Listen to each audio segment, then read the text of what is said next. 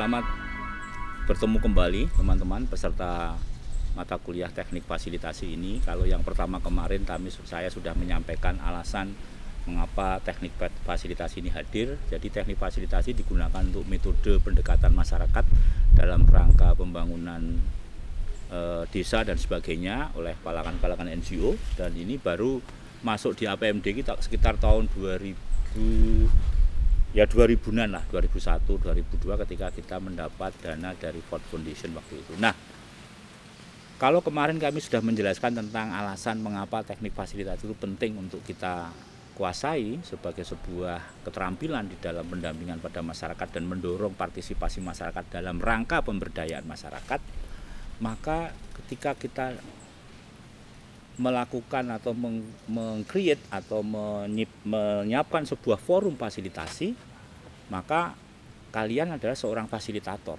yang mampu mengelola sebuah forum fasilitasi. Mengelola itu mulai menyiapkan, melaksanakan sampai mengakhiri sebuah forum itu. Nah, ada tiga hal yang harus dikuasai oleh seorang fasilitator.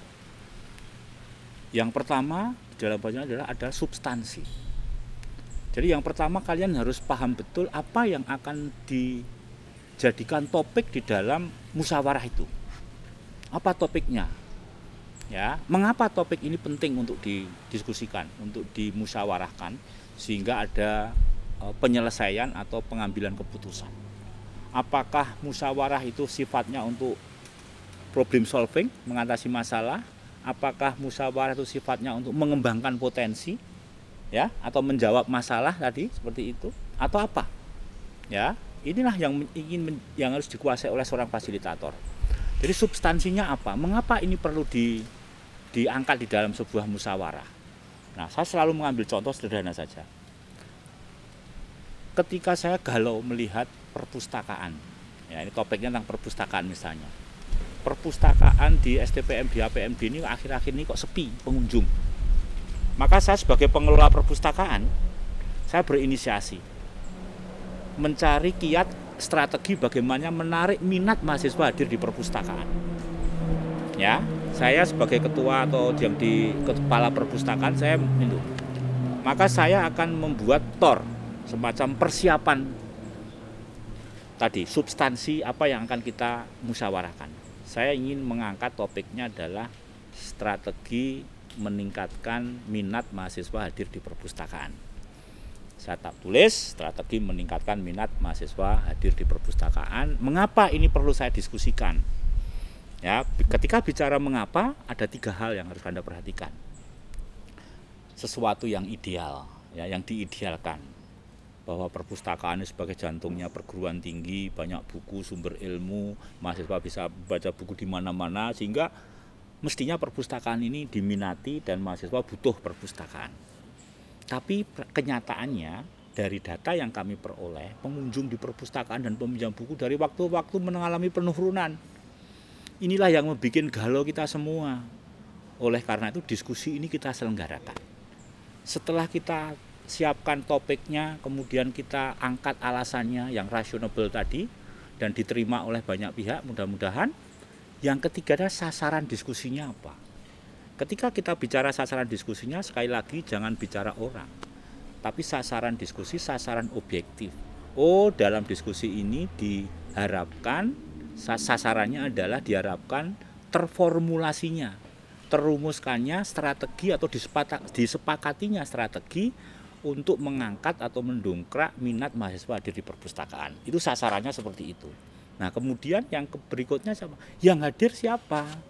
Nah ini dalam ilmu-ilmu yang dikembangkan oleh teman-teman NGO itu ada analisis stakeholder. Di perpustakaan itu stakeholdernya siapa? Pemangku kepentingannya siapa? Yang butuh perpustakaan, yang harapannya di uh, dilayani perpustakaan itu siapa? Yang pertama tentu saja pengelola perpustakaan. Kedua pihak uh, STPMD APMD sebagai pemangku kebijakan. Dan yang ketiga adalah mahasiswa sebagai yang memanfaatkan perpustakaan. Nah, paling tidak tiga komponen inilah yang harus hadir di perpustakaan. Nah, seorang fasilitator harus firm memahami terhadap ini. Jadi kalian itu nanti harus menyiapkan sebuah forum diskusi itu harus tahu seperti itu. apa topiknya, mengapa topik ini penting untuk didiskusikan, kemudian sasarannya apa, siapa yang diundang. Ya yang diundang itu pihak-pihak yang tahu terhadap permasalahan itu. Jangan ngundang di dalam diskusi perpustakaan misalnya maaf maaf satpam nggak ada hubungannya dengan itu. Tetapi kalau dosen, ketua prodi, ya toh, pimpinan P3M misalnya atau lembaga-lembaga penelitian itu mempunyai relevansi seperti itu. Jadi itu yang pertama adalah substansi. Paham ya, substansi seperti itu. Nanti kita bisa diskusikan lebih lanjut. Yang kedua adalah proses.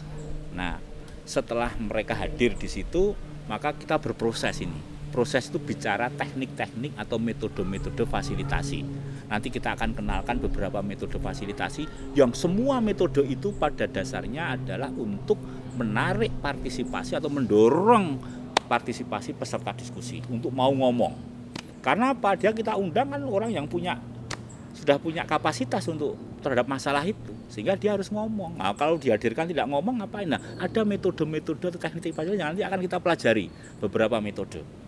Ya. Nah, yang ketiga ini juga penting relasi. Relasi itu hubungan. Hubungan antara fasilitator dengan peserta musyawarah peserta diskusi, hubungan antar peserta diskusi. Kalau itu diskusi dalam sebuah forum, hubungan antara fasilitator kemudian peserta diskusi dan juga kepada panitia misalnya ini relasi menjadi tidak ngeh tidak menjadi tidak baik ketika hubungan antara fasilitator dan peserta itu tidak baik nah ketika kita bicara hubungan bagaimana kita mengamankan hubungan itu berkaitan dengan keterampilan fasilitator hal-hal yang boleh, hal yang tidak boleh, sopan santunnya fasilitator, rambu-rambu seperti apa, itu ada di dalam proses relasi atau proses ini. Nah, tiga hal inilah yang nanti menjadi core-nya mata kuliah ini yang kalian harus siapkan. Seperti itu ya, teman-teman. Nanti kita coba ya, kita siapkan bagaimana Anda menyusun substansi itu ditulis dengan tulisan yang baik nanti kita akan elaborasi lebih lanjut.